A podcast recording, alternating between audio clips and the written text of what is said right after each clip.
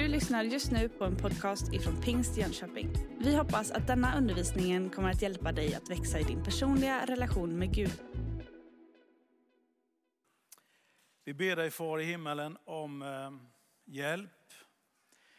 Vi ber dig heliga ande att du ska röra vid våra hjärtan och vi ber att du ska göra det som vi inte förmår, det vi inte kan. Tack Gud att du älskar oss så oändligt mycket, varje människa som är här. Var vi än är i livet så är din villkorslösa kärlek strömmande över oss den här stunden.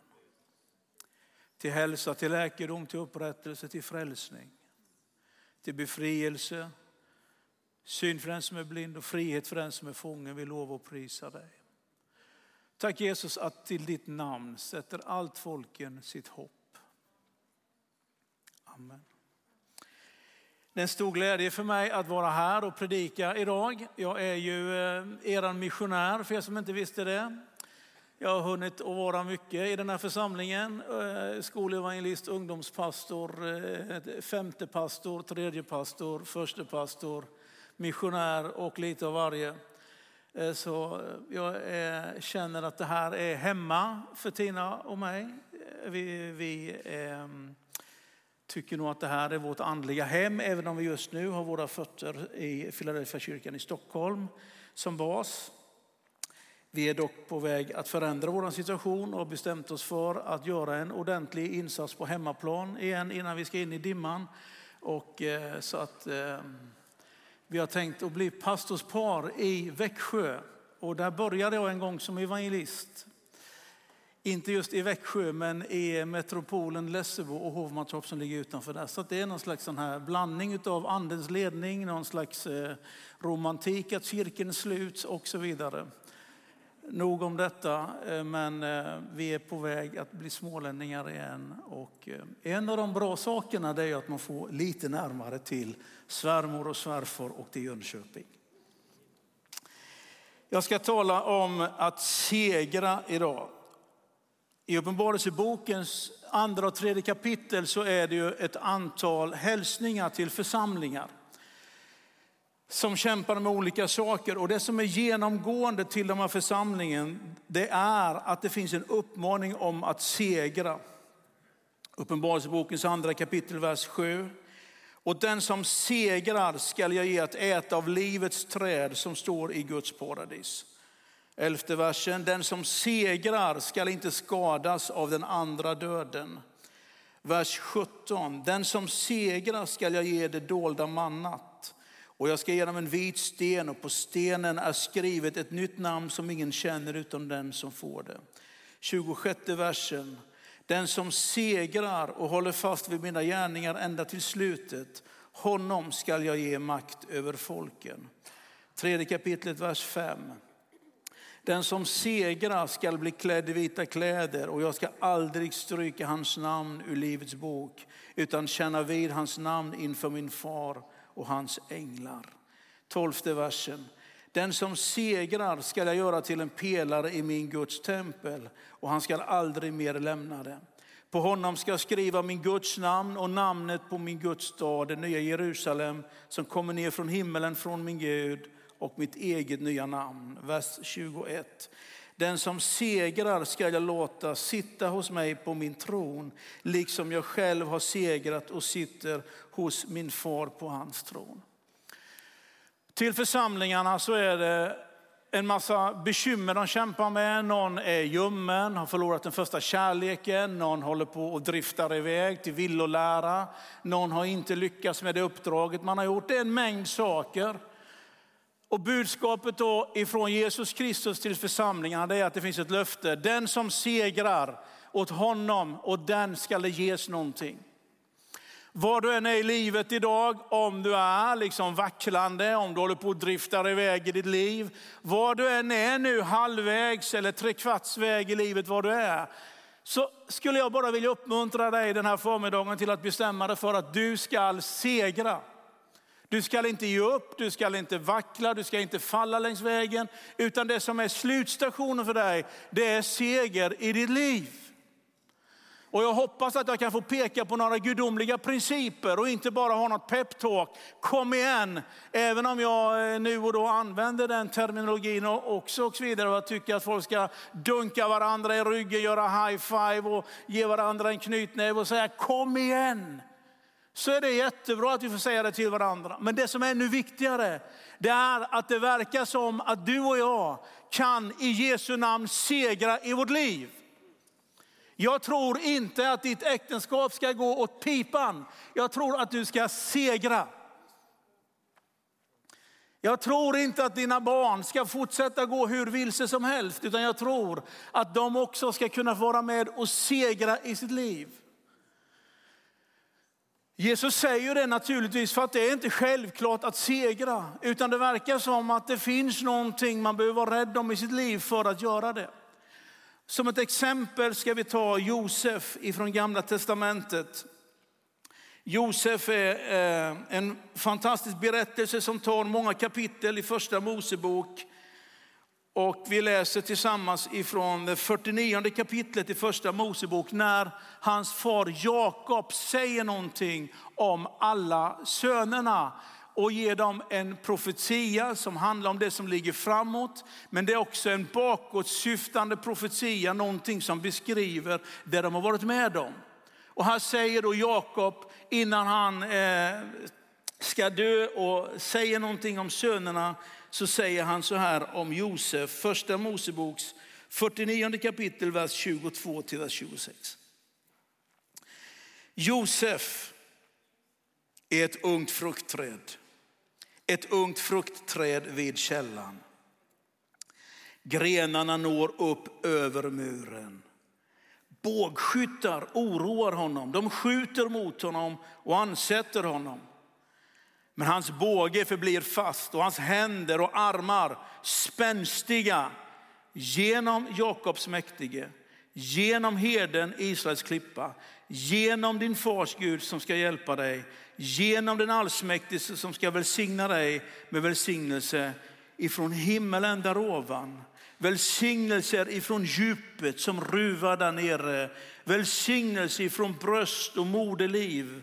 Din fars välsignelse når högt, högre än mina fäders välsignelser till de eviga högt, höjdernas härlighet. Det ska vara över Josefs huvud, över gässan på försten bland sina bröder. Amen. Jakob säger om Josef, Josef, ett ungt fruktträd planterat vid vattnet. Och dina grenar, de ska dra sig upp över muren och de ska inte ens känna av gränsen som kommer där, utan de ska sträcka sig iväg över murkrönet. Så långt ska välsignelsen över ditt liv nå. Men så säger Jakob att bågar bågskyttar ansätter honom. Du vet, det är mycket i ditt liv som du själv inte styr över. Du är utsatt över någon slags bågskytte ifrån en ond tillvaro i den här världen. Det betyder att när du kämpar i ditt äktenskap så är det inte bara för att ni inte har gått på någon bra eh, före äktenskapskurs eller för att ni är usla makar, utan ni är också ansatta av en mängd saker i omvärlden som du inte styr över. Du som känner att du kämpar med olika saker i ditt liv på olika sätt, kanske relationer på arbetsplatsen, eller du kämpar med någonting annat, brottas med din kallelse, så ska du veta att det finns så många saker i världen där hela tiden det spänns bågar och det skickas pilar mot dig i ditt liv. Så om du kämpar behöver du inte tänka att du är en kass människa. Alltså det är vi på ett sätt allihop, syndare i behovet av Guds stora nåd. Men det är framförallt så att det är så oändligt mycket runt omkring dig och mig som vi inte styr över. Och så var det för Josef. Du vet, det är något med livet som bara pågår. Jag har fascinerats över det nu igen. Jag har ju faktiskt eh, precis eh, blivit farfar. Jag har varit morfar ett tag, men farfar det känns lite vuxet. Det känns som att jag nu kan låta skägget växa utan att försöka vara modern, utan det känns som att när man kommer in i någon slags hedersam eh, tid i livet när saker och ting kan vara så att om ni ser att Tina rör sig lite haltigt ut sen så vet ni för att hon har blivit farmor nu och eh, har fullt sjå liksom att ta sig in och ur bilen och så vidare. Ja, men alla vet, liksom, jag är fascinerad över liksom detta med livet. Vi är ju med i ett visst ögonblick och skapar livet och hur det går till. Det behöver vi inte ta idag utan det kan Maxstad och kompani berätta någon annan söndag. Men efter att vi har gjort våran del vet du, så är det en massa grejer som händer som vi inte styr över. Det bara sker. Vi är inte liksom förmögna att ta hand om det och så är det med hela livet. Det vill säga din kamp som du kanske har där du är just nu, exempelvis på arbetsplatsen, så ska du veta att det är så oändligt mycket i den kampen som inte har med din egen förmåga att göra, utan det händer därför att du också blir ansatt. Och så var det för Josef. Och så kommer Jakob och säger den här, men det ska inte sluta med detta med att bågarna, bågskyttarna ansätter dig, utan du ska bevara spänsten i din hand, i din båge, i dina armar. Och du ska reda ut detta och du ska växa upp längs muren, upp på krönet, över krönet ska du växa och leva. Det finns hopp för dig i ditt liv. Du kan vinna seger. När jag växte upp så sa man att det är seger i Jesu namn. Sa man. Jag vet inte, det kanske man fortfarande säger, åtminstone säger jag det nu. Det kan låta lite väl förenklat. Det finns seger i Jesu namn, men jag tror faktiskt att det är så. Att det finns seger i Jesu namn. Det finns en möjlighet att gå igenom, att bryta igenom, att komma hela vägen. Du vet, Josef han var ju omgiven av en massa saker. Tänker på denna Josef, han fick drömmar. Och jag kan tänka mig att den unge Josef han var så glad att han hade fått drömma drömmar och se någonting. Så han är, han är, så, han är liksom jätteglad när han kommer ut på morgonen där till de andra, till, till syskonen och farsan och morsan och berättar att jag har haft en dröm. Han berättar om kärvar och månar och grejer. och Han är jätteglad och bara märker att det är jag som har dragit ner en rullgardin i deras ansikte. De blev inte alls glada, de blev bara irriterade och avundsjuka och började hata honom, säger Bibeln. Jag vet inte, du kanske har varit med om det läget där du har försökt leverera någonting i tro att du gör någonting som är bra. Men det som händer runt omkring det är bara att rullgardinen dras ner i andra människors ansikte. Du blir bara istället misstänkliggjord av allt detta. Hur andra människor reagerar är ingenting som du och jag styr över i vårt liv. Avundsjukan som kom in, att han skulle tänka så stora tankar om sig själv, gjorde att hans bröder bestämde sig för att döda honom så får Josef vara med om kanske något av det största svek man kan få vara med om. Nämligen att känna att de man hade lutat sig mot, de man älskade mest, de man trodde skulle stå upp för en, sviker en. Säga det till kära föräldrar som var med på barnvälsignelsen idag. Älska era barn så mycket ni orkar. Det verkar som att lyckas vi älska våra unga, vet du, då kan de klara sig utan mycket i livet. Alltså om, om människor blir någorlunda älskade när de är små så verkar det som, det är min erfarenhet som själavårdare under många år, det är att det verkar som att man reder ut det mesta i livet. Men om man inte blir älskad när man är liten så är det som att det är ett rop på insidan hela livet. Och det är nästan så att det är som att det är bara Gud som kan fylla det i ditt och mitt liv. Den nya faderskärleken. Den unge Josef, när han är ute och letar efter sina bröder, så blir han sviken utav storebror och storebror och storebror. Alla bröderna de sviker honom. Bestämmer sig för att döda honom, men det är någon klok människa där, Ruben, den äldsta av dem, bestämmer sig för att låta sig istället kasta ner honom i en brunn och så hade han lite egna planer. Juda kom på en bra grej när Ruben var borta och det var det de ismaelitiska köpmännen kom så kunde de dra upp honom ur, ur brunnen och så kunde de åtminstone tjänaren hacka på honom. Så att Josef är med och blir nedsläckt i en brunn och hamnar i ensamhet. Och du och jag hamnar nu och då också i ensamhet i vårt liv som vi själva inte kan styra över. Han blir betraktad som en handelsvara i sitt liv. Han blir bunden på en kamel och förd iväg bort till ett främmande land. Du och jag blir ibland betraktade som en vara på vår arbetsplats eller var vi är. Kanske inte just i Filadelfiakyrkan i Stockholm, men ibland vet du, så kan man känna att de vill inte ha mig, de vill bara ha det jag kan och det jag förmår. Du vet, det är så oändligt mycket du och jag styr, inte styr över, hur människor ser på oss, hur de hanterar oss. Och allt detta var Josefs erfarenheter under sitt liv. Och så kommer han till Portifar, blir såld in i Potifars, den rike, fantastiske Portifar och hans vackra hustru. Och en dag så Portifars hustru, hon faller liksom lite i fling.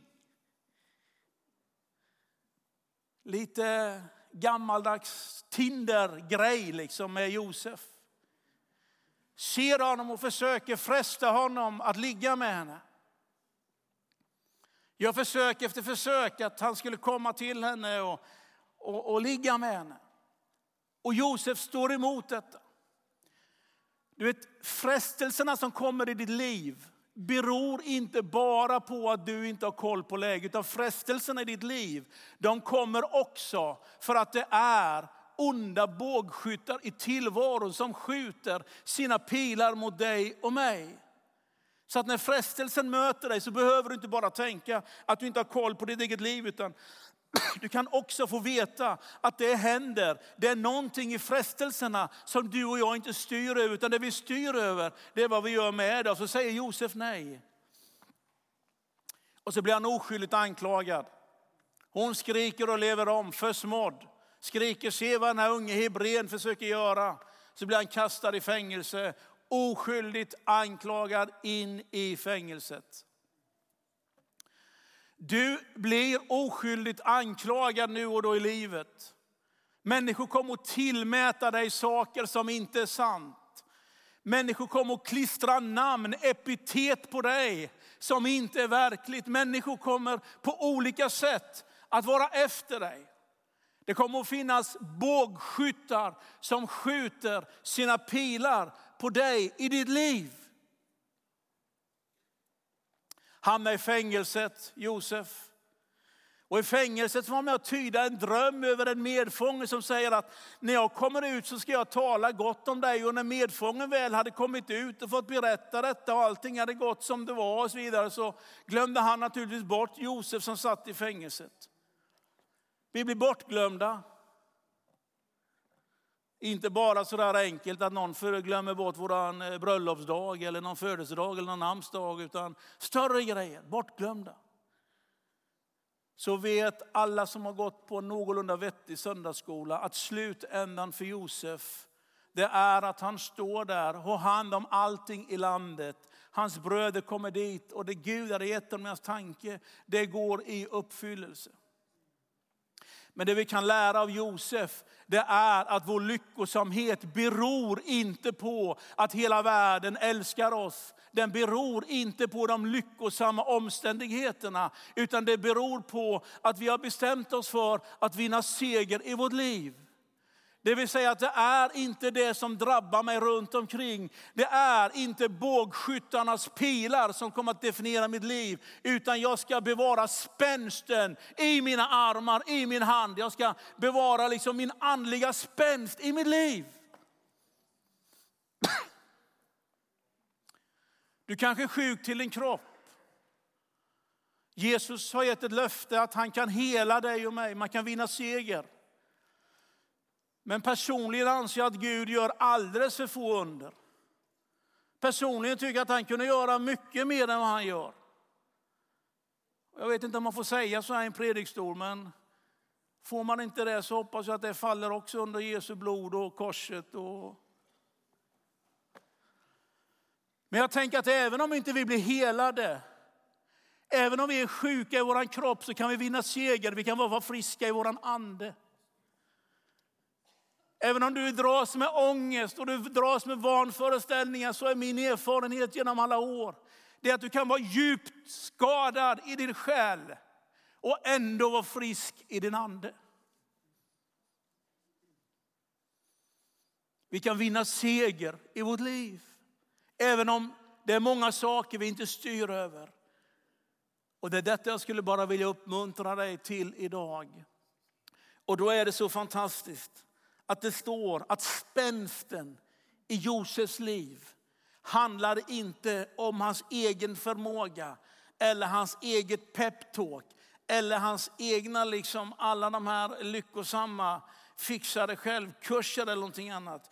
Utan det står att hans båge förblev fast. Hans händer och hans armar, de fortsatte vara spänstiga genom Jakobs mäktige, genom herden Israels klippa, genom din fars Gud som ska hjälpa dig, genom den allsmäktige.